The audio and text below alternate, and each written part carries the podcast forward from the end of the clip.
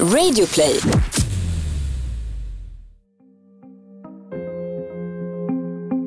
De stora nyhetshändelserna påverkar alla svenskar.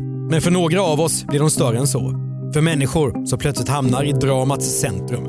Den här podden är deras berättelser. Olof Stenhammars kamp för att Stockholm ska få arrangera de olympiska spelen 2004 är hård. Först mot slutet av kampanjen börjar han kunna övertyga svenskarna och idrottshöjdarna. Men då ställs han inför något som förändrar allt. Pyromandåd och sprängningar som sprider skräck i Stockholm. Detta är Jag var där, en dokumentärpodd från Radioplay av Andreas Utterström och Mattias Bergman.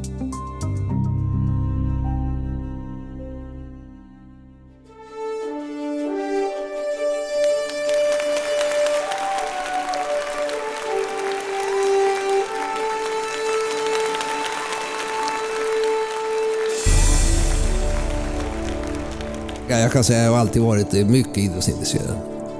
Jag är tyvärr gift med djurgårdare, men jag, jag, jag håller ju på IFK Norrköping, eftersom jag är född i Östergötland. Han låter som en glad optimist. Hans självbiografi heter Det ordnar sig. Men det Olof Stenhammar ska berätta om innehåller både en personlig jätteförlust och flera våldsdåd. Jag heter Olof Stenhammar och jag är ju egentligen entreprenör, men nu så driver jag mina gårdar ute på Värmdö och uppe vid Höga Kusten. Han närmar sig de 80 och är en banbrytare bland svenska företagare. Efter en lång universitetstid och några tunga chefsjobb fann Olof Stenhammar sin väg i livet. Det han har blivit känd för och förmögen av.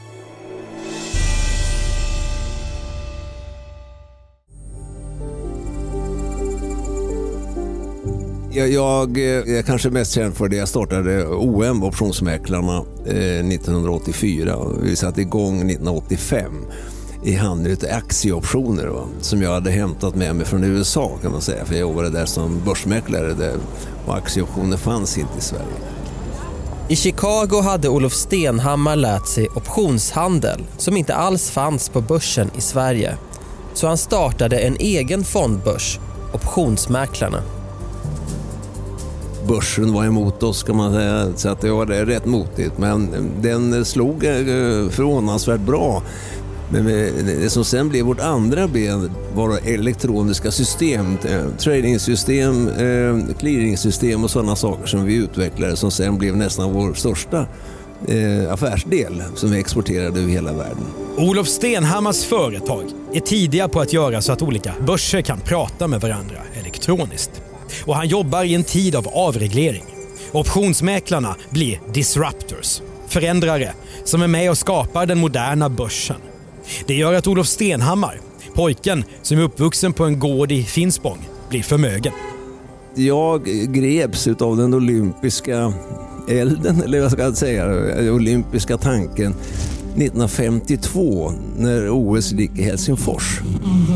Och jag satt med min ganska gamla far som var oerhört idrottsintresserad och lyssnade på, i radion på reportage därifrån. Det var Lennart Hyland och Sven Jerring som rapporterade. Jag minns särskilt han, han sa så här, var det 100 meters finalen. Nu, nu kommer det gå fort, det kommer komma i mål nästan innan de startar och det går då på 10 sekunder. Och där greps jag och då beslutade jag mig för, som 11-åring, att vi skulle söka OS till Finspång. Och eh, eh, vi hade ju en gård ganska stora marker och, och, så vidare. Och eh, jag såg framför mig att smeden skulle göra höjduppställning. Vi hade en smed hemma och även häckarna i häcklöpningen och sådana saker. Och jag var ju en drömmare redan då så att finansieringen skulle jag ordna. 40 år senare äger de olympiska spelen rum i Barcelona. Festen sommaren 1992 gör att hela världen får upp ögonen för den spanska staden. Många ser fördelarna med ett OS. En idé föds. Och vi råkade stöta på Mats Hult som då var finansborgarråd här och några från Stockholm där de hade en liten monter nere i Barcelona för att bara visa upp sig egentligen. Och sen var jag lite involverad, blev lite rådfrågad om eh, olika saker. Vi stöttade den här eh, kampanjen och sen 1995 på hösten så fick jag förfrågan. Förfrågan? Ja, det handlar om att bli den som ska se till att driva en ansökan till internationella olympiska kommittén. Tanken? Stockholm ska tävla om att få arrangera de olympiska spelen 2004. Vi åkte ju ner eh, ganska omgående till Lausanne för, en liten, för att presentera att Stockholm tänkte söka. Och då fick vi äta lunch på Olympiska museet och jag fick sitta bredvid Samaranch som var den, den, den, den IOK-ordföranden då. Han trodde nog att vi hade hyggliga chanser. Man ska komma ihåg att det var tio städer till som sökte. Det har aldrig varit så varken förr eller senare. Olof Stenhammar får veta att Stockholm kommer att konkurrera med tio andra städer. Inget spel har haft fler kandidater. Det här var 95 i december då vi var nere med Stockholms stad för att berätta. Och jag satt bredvid honom. Då hade han varit på VM i friidrott i Göteborg. Det handlar såklart om pengar. Goodwill till Stockholm, ökad turism och mer försäljning för företagen. Men Olof Stenhammar, Stockholms starke man, finansborgarrådet Mats Hult och de andra eldsjälarna drivs också av något annat. Och så plötsligt, jag glömmer aldrig uttrycket i hans ansikte, plötsligt blev han alldeles allvarlig och tittade ner. But you have to change one thing. Eh, hur kan det vara så att Sverige i ett som var arrangörsland presterade så dåligt idrottsligt? Det var ett av våra sämsta världsmästerskap. Jag kommer inte ens ihåg just nu. Det var någon brons kanske vi fick. Därför att är man arrangörsland, då brukar man alltid vara som bäst. Man, man satsar på och så, och så vidare och ni var som sämst. Och en huvuduppgift tyckte han var att ni måste visa att svenskt näringsliv, svenskt samhälle stöder idrotten. December 1995 bildas företaget Stockholm 2004 AB. Både näringslivet, Stockholms stad och idrottsrörelsen ska samlas bakom en övertygande ansökan som till slut ska vinna de över 100 IOK-delegaternas hjärtan. När Olof Stenhammar får frågan om att leda bolaget som VD tvekar han inte. Och det borde jag kanske gjort. och hur blev du OS-general? Amiral. Amir, jag... Förlåt, amiral. Eftersom jag är sjöofficer. Ja, OS-amiral. Ja, så jag hade ju inte haft någon kontakt överhuvudtaget med, med, med verkligheten i, i vad gäller just olympiska spel och, och den biten. Så jag, jag, kan säga att jag är väl kanske en sån som, eh, om jag hugger så hugger jag för jag tycker att det, det är någonting som jag brinner för. Va? I augusti 1996 finns en så kallad bidbook klar. 500 sidor med detaljer om hur OS i Stockholm ska gå till. Men utmaningen för Olof Stenhammar är inte bara att övertyga de internationella maktspelarna i IOK. Riksidrottsförbundet, som samlar idrotterna i Sverige, är först inte med på tåget. Av 60 sporter där är bara hälften OS-grenar och de övriga är rädda att förlora ekonomiskt stöd. Olof Stenhammar måste alltså först övertyga idrottssverige om vikten av att ha världens största breda idrottsevenemang. Det känns konstigt. Men inte ens inom den svenska olympiska kommittén, som ska stå bakom OS-satsningen, så ses Stenhammar först som någon hjälte. Och när jag blev utsedd till VD så reagerade Anderberg, som var ordförande i SOK, mycket negativt. Tyckte att, eh, och eh, jag hade honom uppe, vi hade ett personligt samtal och han sa att jag eh, han var fortsatt negativ till mig men han, nu var det för sent eftersom jag var utsedd. Han och jag blev mycket goda vänner sen. Det kan jag säga. Och, men, eh, så det var mycket negativa stämningar. Så kommer vi till vad svensken i allmänhet har för åsikt. 12 miljarder kronor beräknas kostnaden bli men Stenhammar är optimist om att kunna skapa höga intäkter också. Men svenskarna ser inte samma fördelar i att arrangera OS som han. De har just fått svälja beskedet att Östersunds OS-planer för 2002 har gått i stöpet. Man ska komma ihåg att ganska tidigt så visade det sig att opinionen var ju negativ. Och eh, det ordnades ju sådana här enkäter och, och, och, eh, det visade sig att det låg alltid på 52-53 procent emot att ordnas OS. kunde variera lite grann. Men det var ju så här att eh, vi, vi hade inte bara IOK att, att påverka för spelet utan vi var tvungna att även påverka den svenska opinionen. För det var ju någonting som låg oss i fatet att vi hela tiden bara hade negativa siffror vad gäller opinionen.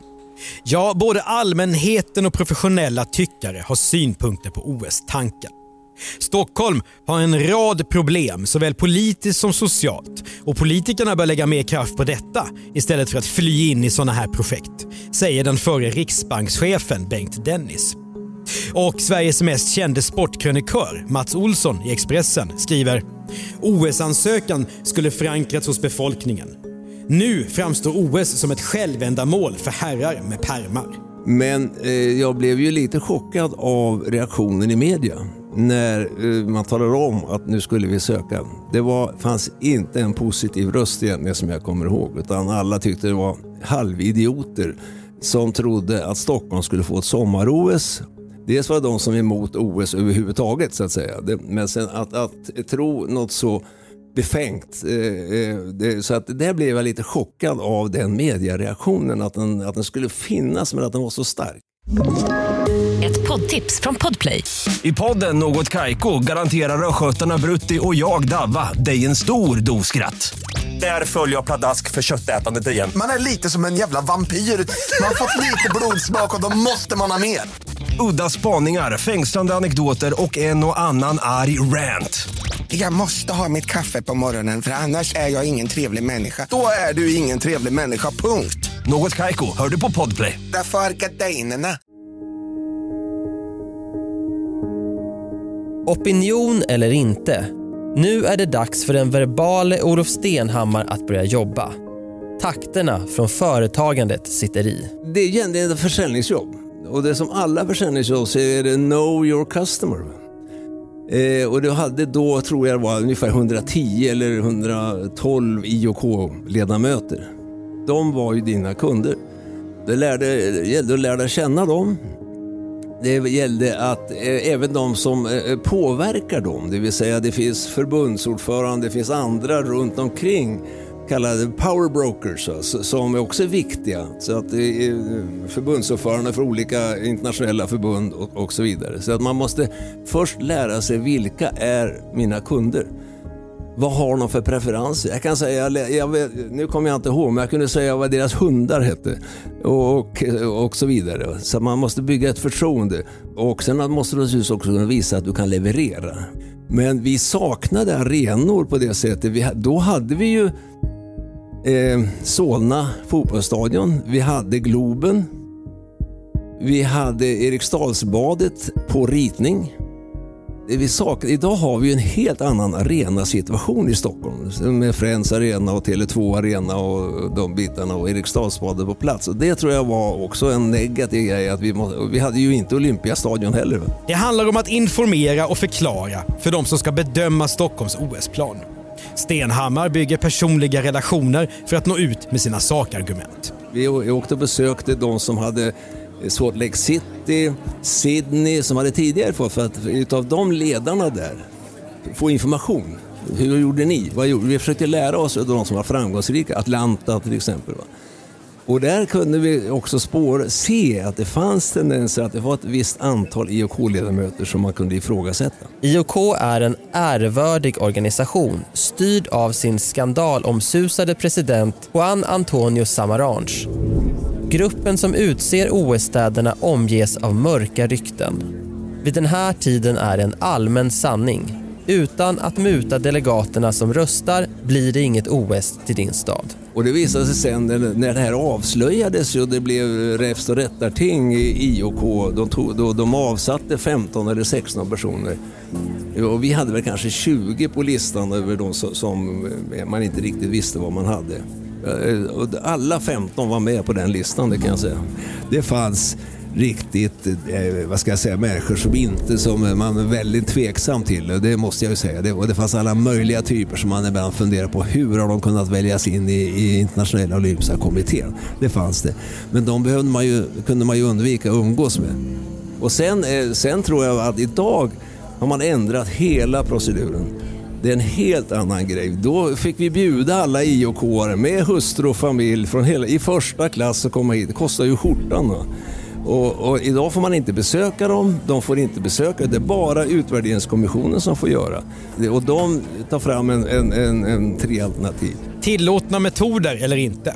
Uppförsbacken är hård, motgångarna många. Motargumentet mot Stockholm, som Stenhammar måste bemöta, handlar just om den svenska opinionen. Och så är det arenafrågan. I Stockholm måste byggas nya arenor, så det svenska OS-bolaget har bara ritningar att visa upp för IOK. Men en entreprenör som förändrat en hel bransch tidigare låter sig inte nedslås. Jag tror inte man är skapt sån om man är entreprenör att man, eh, man, man lyssnar på vad som sägs och sen säger man det, det där ska jag väl klara av. Va? Och eh, det var ju så att eh, efter ett år så var det finaluttagning där sex städer åkte ut. Och Stockholm blev kvar i finalen.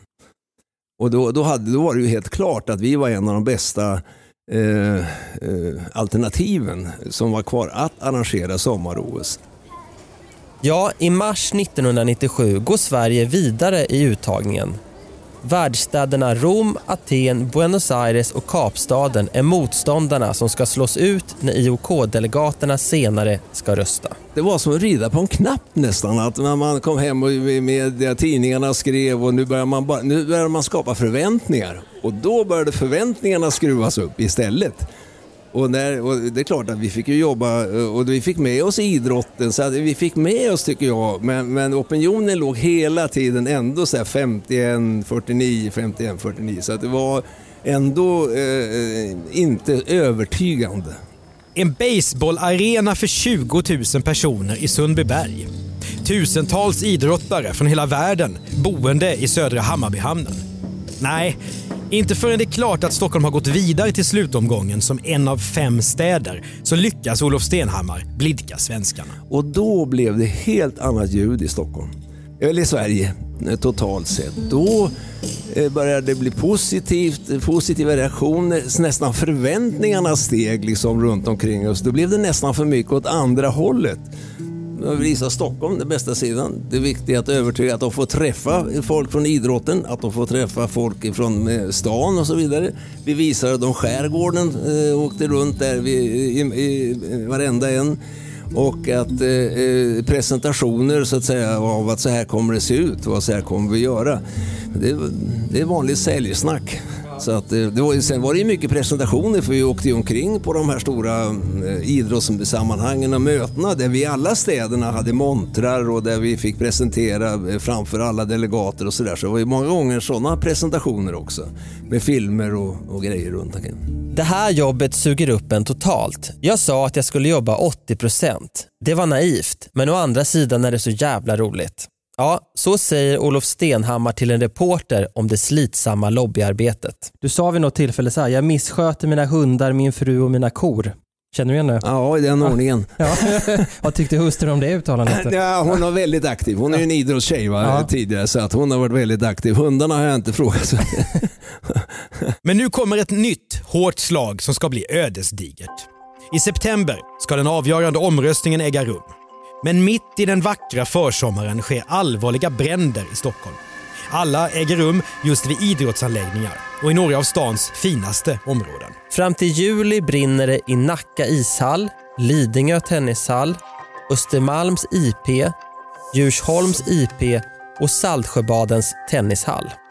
Och den 3 juni anläggs en brand i före statsministern Ingvar Carlssons bostad i Tyresö utanför Stockholm. Eldsvådan är explosionsartad. Ingvar Carlsson och hans fru är lyckligtvis inte hemma. Han har engagerat sig i OS-kampanjen och polisens teori om koppling mellan dåden och OS blir starkare. Medierna skriver nu om OS-pyromanen. Och då är det ju naturligtvis när man ändå har haft så mycket motstånd att jobba emot eh, så kommer det här väldigt olägligt. Det, det kan jag säga. Och det finns ju inte liksom mycket annat att göra än att eh, bara eh, försöka för det första förstå om det finns den här kopplingen och sen eh, försöka att jobba vidare. För jag, eller vi, kunde ju inte göra någonting åt det i kampanjen. Det var ju omöjligt. Det var ju polisuppgift så att säga. Och eh, sen när den eh, upprepades så då blev det då förstod man att det här var allvar. Polisen gör vad de kan men är steget efter en anonym mordbrännare. Samtidigt jobbar Olof Stenhammar och de andra i OS-bolaget vidare som hårdast. IOK-delegater befinner sig i Stockholm för att fingranska stadens kampanj. Håller planerna som har presenterats? Funkar infrastrukturen? Och är staden säker för ett gigantiskt arrangemang? Lobbyarbetet är hårt men positivt.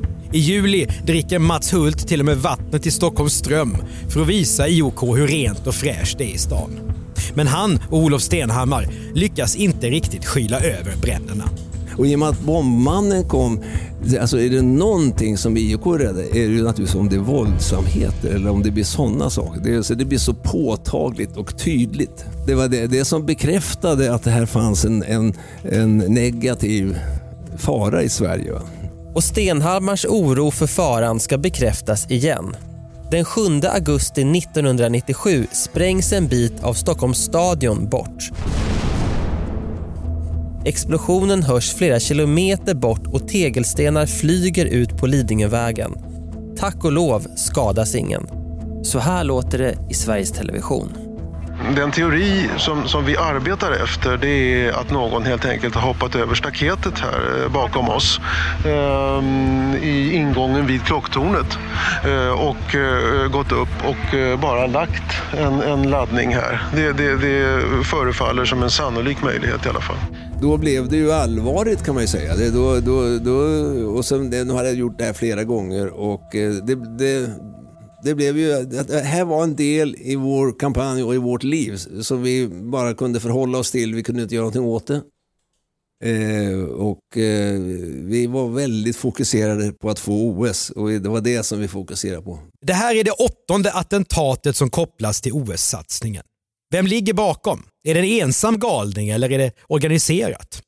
Eller kan det rent av vara någon av de fyra konkurrentstädernas lobbyister som vill ställa Stockholm i dålig dager?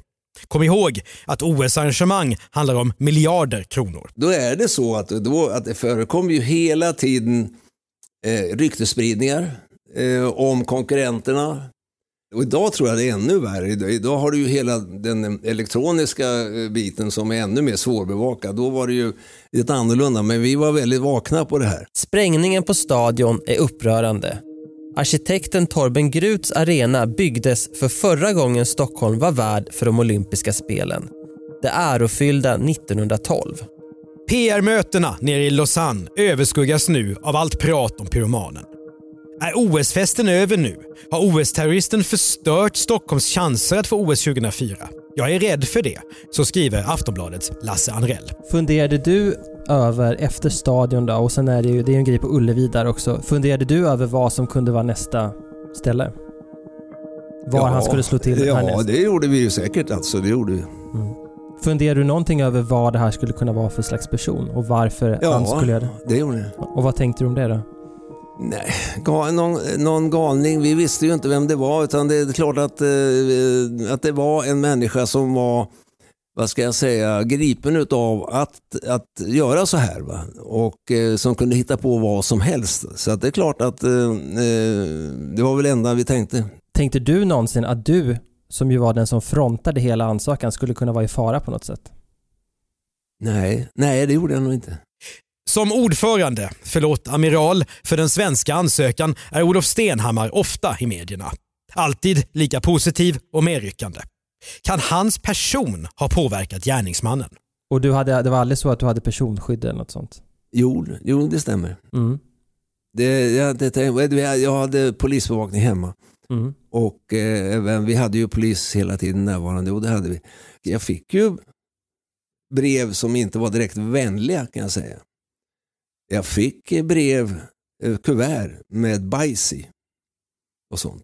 Det tog jag, visade jag inte ens min hustru för jag ville inte göra det. Jag ville inte, hon vet om det nu så att säga. Men, men eh, så att eh, eh, när du eh, frågar om det här så är det klart att det var, det var en mycket obehaglig känsla naturligtvis egentligen.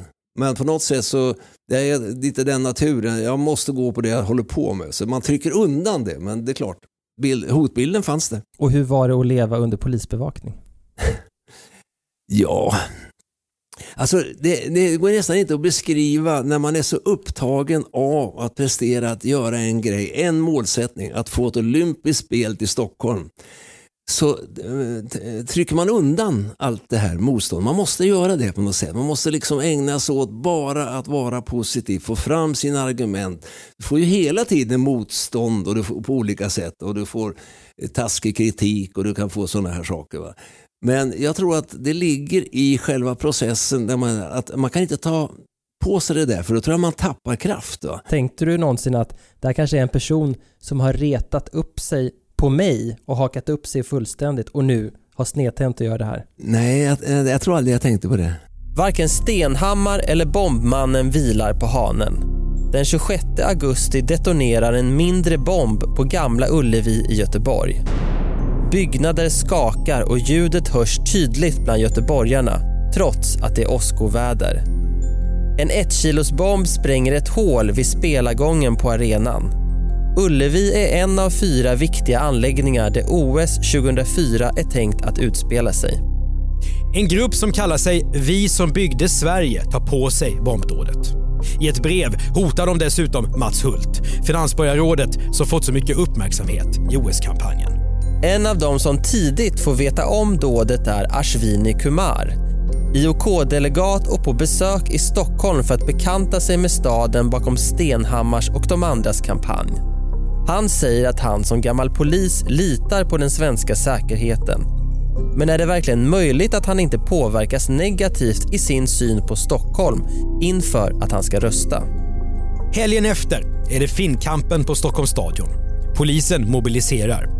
Det skulle kunna ske ett fruktansvärt dåd där människor skadas. Det får inte hända. Dels är det såklart fara för medborgarna. Dels ska OS inte äventyras. Det är bara en vecka kvar till IOK-presidenten Assam Arrange ska presentera vem som får äran att arrangera spelen. Assam Arrange sa till mig alldeles innan, say, why do you think we should give the games to a country that, that doesn't want them? Nej, det, det kommer ändra sig. Det, här, det, det, det, är bara, det är några dagar kvar och så... Vi, vi, vi är på gång. Va? Det, det är bara... Det är den 4 september 1997, sent på kvällen. Olof Stenhammar sover i Lausanne. Om bara några timmar ska han och de andra i hans delegation få det besked de laddat för i flera år. 200 mil därifrån, på västra sidan av Lidingö till höger när man kommit över bron, tronar Millesgården. Skulptören Carl Milles magnifika hem som fungerar som museum. Från Stockholmssidan ser man de imponerande verken som står i skulpturparken. Ett kärt besök för både invånare och turister. Men Carl Milles, död sedan 40 år tillbaka, har en speciell betydelse just för OS-kampanjen.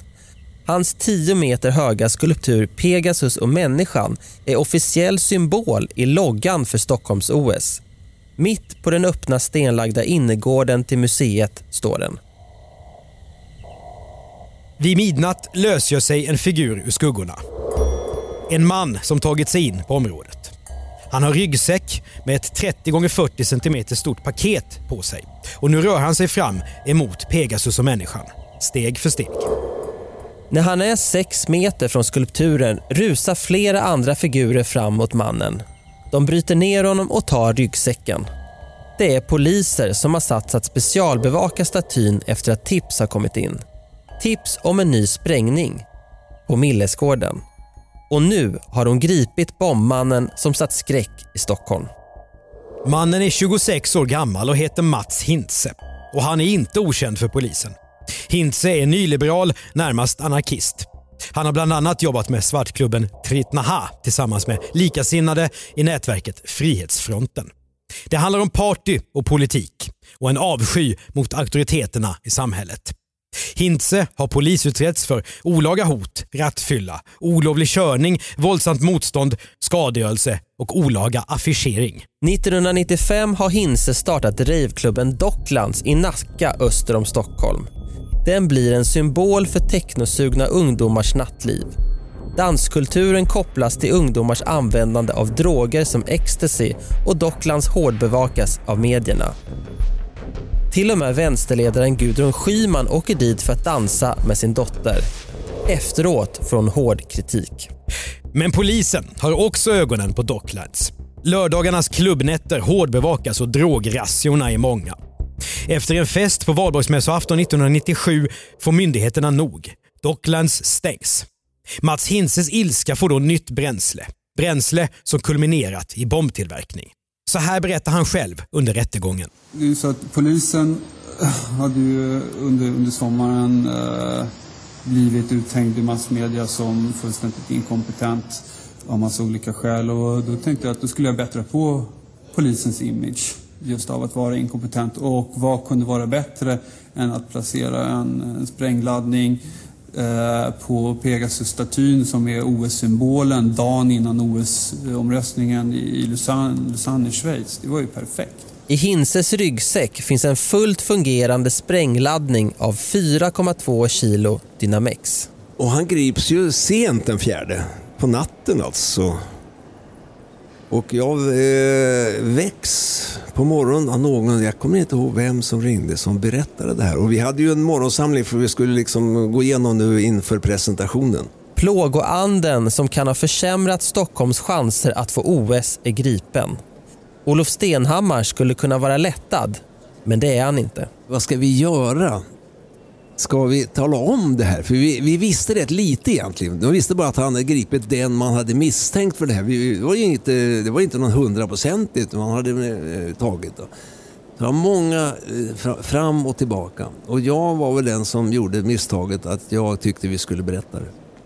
Så vi tog upp det egentligen. Vi, var vi, vi, vi, vi ville adressera det här med bomberna. Vi kan inte bara stå och säga, som alla vet om att det har smält. Så måste man stå framför då 150 människor där och berätta det här. Och så kunde vi berätta att igår kväll hade polisen gripit honom. Ja, Stenhammar går ut med de positiva nyheterna. Ett av argumenten mot Stockholms OS är ju undanröjt. Kanske kommer några fler av de 107 delegaterna att blidkas nu och rösta på Stockholm. Men som Stenhammar säger, det var ett misstag att berätta för alla om Mats Hintze. Mottagningen blev ju sen, förstod vi, mera så här, jaha, det var alltså riggad, det, det, det, det var bara fixat. Men att man då på natten före omröstningen i Lausanne och presentationen kommer ut på morgonen och säger vi har tagit honom. Det verkade liksom lite desperat från vår sida. Att vi, det där är bara påhittat. Alltså. Så att jag, jag tror jag har fortfarande ett dilemma det om vi skulle ha sagt det eller inte ha sagt det. Nu gjorde vi det. Jag ville att vi skulle ta fram, för det var sanningen. Därför att det finns ju olika kulturer och det, det var ju ett tips som vi fick några gånger så här när den här bombmannen pågick och vi påminnes om den ungefär så här. Så, så, ja, men, ta någon. Ja, men vi måste ta, nej, ta någon bara. Det dagas i Lausanne och stämningen stiger. För nu är det dags för den hårdstyrda processen att rösta fram en OS-stad 2004. Och sen är det ju så att omröstningar sker ju i omgångar. Man tar bort stad för stad.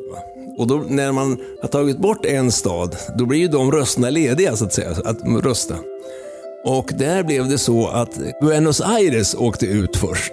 Vilket innebär att de sydamerikanska rösterna var lediga. Alla som vill, eller inte, känner nu till den svenske OS-bombaren. Ja, jag hoppas. Jag hoppas. Men vi hade väl, jag hade nog de sista timmarna börjat tvivla lite grann. För att Aten gjorde väldigt bra jobb.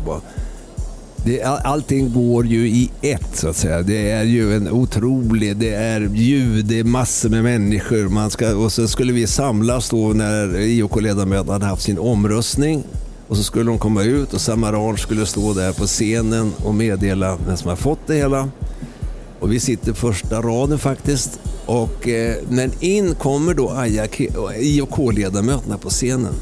Och då ser jag vår IOK-ledamot Gunilla Lindberg. Lindberg.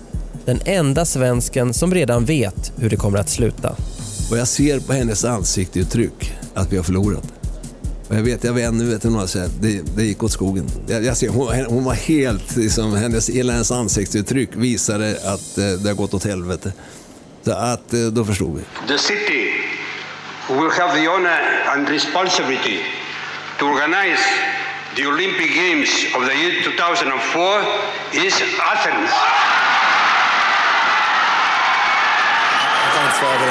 Det är klart att det inte hjälpt med, med eh, opinionsläget tror jag har legat oss i fatet trots allt lite grann. Kanske de här smällarna lite på slutet också trots allt. Vi har inte kunnat jobba riktigt i fred men eh, Athena gjorde ett jättebra jobb. Olof Stenhammar ger förlorarintervjuer. Han är så hes av alla möten de senaste dagarna att han för en gångs skull knappt kan prata. Och det är inte bara på honom som luften går ur. Hela Sverige är som en ballong som spricker. På stadion hemma i Stockholm, där man förberett sig för en stor folkfest som firande, blir det knäpptyst innan spridda svordomar hörs. Och så kommer mediereaktionerna.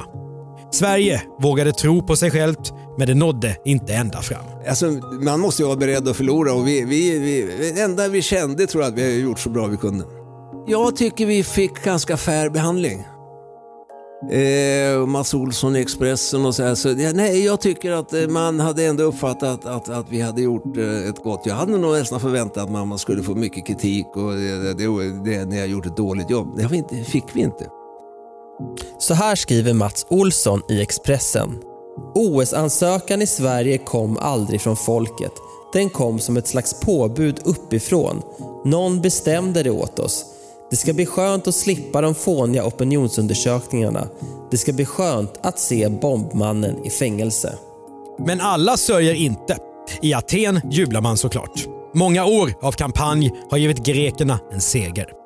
Alltså att Aten trodde vi inte på till början med. Man ska komma ihåg att Aten eh, var ju rätt irriterade över att man inte fick spelen 1996. Därför det var ju en hundraårsjubileum av de första olympiska spelen i Aten 1886. Men eh, så fick Atlanten. Men nu gjorde faktiskt Aten en väldigt bra kampanj. Under en, en eh, ja, kvinnlig ledare som var väldigt duktig som eh, gjorde det här. Två år av vansinnigt arbete där familjen, företagen och djuren blivit lidande är över. Olof Stenhammar åker hem. När vi kom hem efter att ha förlorat omröstningen i Lausanne så var jag totalt slutkörd. Alltså. Och det har jag aldrig varit tidigare. Vi kom hem, vi hade ju ändå Säg, vi bor ju på en gård ute på Värmdö och vi hade under fyra månader säg 800 gäster på lunch och middagar. Under det för att de skulle få se och komma med båt och så vidare. Och, och eh, eh, när jag kom in hemma, det hade varit stängt i fem, sex dagar och det var lite unket eller vad säga. Och jag tänkte, jag måste ringa Anticimes och cyanväteröka hela stället så jag får bort det. I eftertankens kranka blekhet då, varför fick Stockholm inte OS? Eh, vi fick lägga ner alldeles för mycket tid på hemmaopinionen. Sen var inte i, den svenska idrotten var inte överens. Så, alltså fri, Riks, Riksidrottsförbundet och SOK och Stockholms stad var egentligen inte samspråkade. Det är klart att det här var ju eh, den största förlusten jag liksom kanske hade gått igenom. Va? Men vi kom fyra utav elva städer så att, eh, jag tror vi gjorde en väldigt bra kampanj. Så att det eh, blev ingen depression. Va? Mats Hintze och en medbrottsling ställs inför rätta i sal 17 i Stockholms tingsrätt. Medieuppbådet är enormt. Åklagaren jämför agerandet hos gärningsmännen med ren terrorism. De har haft 8,9 kilo Dynamex, sprängkapslar, timers och andra komponenter för sprängningar. Hintze hävdar att han inte tänkt att aptera bomben vid Millestatyn utan bara ställa väskan där, ringa kvällstidningarna och berätta så att polisen skulle göras till åtlöje. Han har ett brett och pojkaktigt leende och så säger han “Jag trodde inte att poliserna skulle vara så smarta. Inte i min vildaste fantasi. Ja, så refererar Expressen från rättegången. Är det hatet mot myndigheter eller de olympiska spelen som fått Hintze att ta steget? I rätten säger han att han är emot att skattepengar används för satsningar som OS. Otroligt prestigeprojekt kallar han Olof Stenhammars dröm. Mats Hinse döms för att ha förberett spränga på Millesgården men också för stadionbomben och mordbranden på Lidingö tennishall. Hinse ska sitta sju år i fängelse, beslutar tingsrätten. Förutom för mordbrand och förberedelse till allmänfarlig ödeläggelse straffas han för förolämpning, urkundsförfalskning och hot mot tjänsteman. I hovrätten kräver åklagaren hårdare straff, men tingsrättens dom står fast. Hinses medbrottsling frias helt. Men kvar står de andra dåden. De mot Ingvar Carlssons hem, Nynäshamns ishall, Djursholms och Saltsjöbadens tennishallar, Trollbäckens och Östermalms IP och dådet på Nya Ullevi i Göteborg. Ingen åtalas eller döms. Var det olika gärningsmän? Var det copycats som inspirerats av varandra? Hade händelserna med OS-satsningen att göra? Än idag vet vi inte. Men en sak är klar. OS-dramat är över. Men inte riktigt. För inte heller Olof Stenhammar slipper ett rättsligt efterspel. Och det handlar just om den våta filt som ligger över OS-cirkusen. Mutorna. Alltså, det var ju så här va, att eh, vi, eh, eftersom jag sen blev anklagad för mutor, i två år hade jag en åklag, åklagare efter mig som, eh, och det var en, kanske två värsta åren i mitt liv. Det, därför att jag kunde nästan inte gå på restaurang och barnen fick höra det i skolan och sådana saker. Så att, och det var vidrigt helt enkelt. Tre personer delges brottsmisstanke i mututredningen. En av dem är Olof Stenhammar. Uppemot en halv miljon kronor har tagits ut från ett privat konto, växlats till 100 sedlar och bytt händer nere i Lausanne. Men det väcks inget åtal. Men vad är det som är så fascinerande med OS? Som gör att folk nästan kan få det här i, i ögonen som när, man ut, när de är ute och letar guld eller, eller något Ja, annat. Förstår, förstår du vad jag menar? Det, det, det, det är en bra fråga eh, och jag kan inte svara på den. Därför att jag har ju gripits av den basillen från 11 års ålder. Och eh, jag, inser ju, jag är ju inte dum, så att säga, jag inser ju de förvecklingar som har varit genom åren. Jag tror att det har varit väldigt otillräckligt organiserat. Jag tror det har förekommit mycket skumma saker, mutor och sådana saker. Säkert. Jag känner mig rätt övertygad om nu att man har kommit underfund, kommit till rätta med det mesta där, det tror jag. Och har ganska bra koll på det hela. Och det skrevs ju då i svensk press naturligtvis att det är mutor och det är det ena med det andra. Det är uppgjort från början. Det, det, det var det inte. Vi hade inte en, en bid som var tillräckligt bra. Mats Hintze får lämna fängelset efter fem år. Han ger en intervju där han säger att han har lugnat ner sig. Efter det har han levt utanför offentligheten. 2020 fyller han 50 år. Att han fortfarande finns på polisens radar som en usual suspect är något han själv vet om. När utrikesminister Anna Lind mördas 2003 och jakten på gärningsmannen är som intensivast ringer Hinse själv till polisen. Jag är på kibbutz i Israel så ingen idé att ni plockar in mig, säger han. Olof Stenhammar är inte lika osynlig. Året efter OS-ansökan köper företaget han grundat, Optionsmäklarna, hela Stockholms fondbörs. När Stenhammar lägger bud på den anrika Londonbörsen år 2000 blir uppmärksamheten massiv, även om det inte blir något köp. 2008 säljs optionsmäklarna till amerikanska börsen Nasdaq. 2019 sökte Stockholm på nytt OS, Vinterspelen 2026. Olof Stenhammar var med som senior advisor. Även den här gången blev det bom. Italienska Cortina vann istället. Vad tror han? Kommer en svensk stad att få arrangera OS någon gång i framtiden? Ja, eh, det tror jag. Vi måste helt enkelt ha ett konkurrenskraftig ansökan. Kunden som ska välja väljer det som man känner säkrast. Du har hört ett avsnitt av Jag var där, en dokumentärpodd från Radio Play av Andreas Utterström och Mattias Bergman. Exekutiv producent Jonas Lindskov. För Radio Play gör vi även poddarna Misslyckade makthavare, misslyckade affärer och misslyckade brott. Du kan kontakta oss med synpunkter till e-post jagvardar@bplus.se. När vi inte gör de här poddarna bedriver vi en specialistbyrå för kommersiellt innehåll som heter Commercial Content och gör då podden Världens bästa innehåll.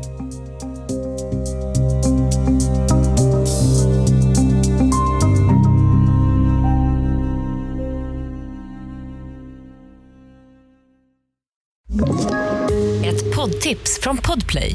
I fallen jag aldrig glömmer djupdyker Hasse Aro i arbetet bakom några av Sveriges mest uppseendeväckande brottsutredningar.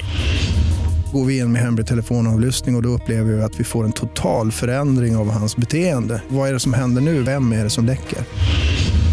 Och så säger han att jag är kriminell, jag har varit kriminell i hela mitt liv men att mörda ett barn, där går min gräns. Nya säsongen av Fallen jag aldrig glömmer på Podplay.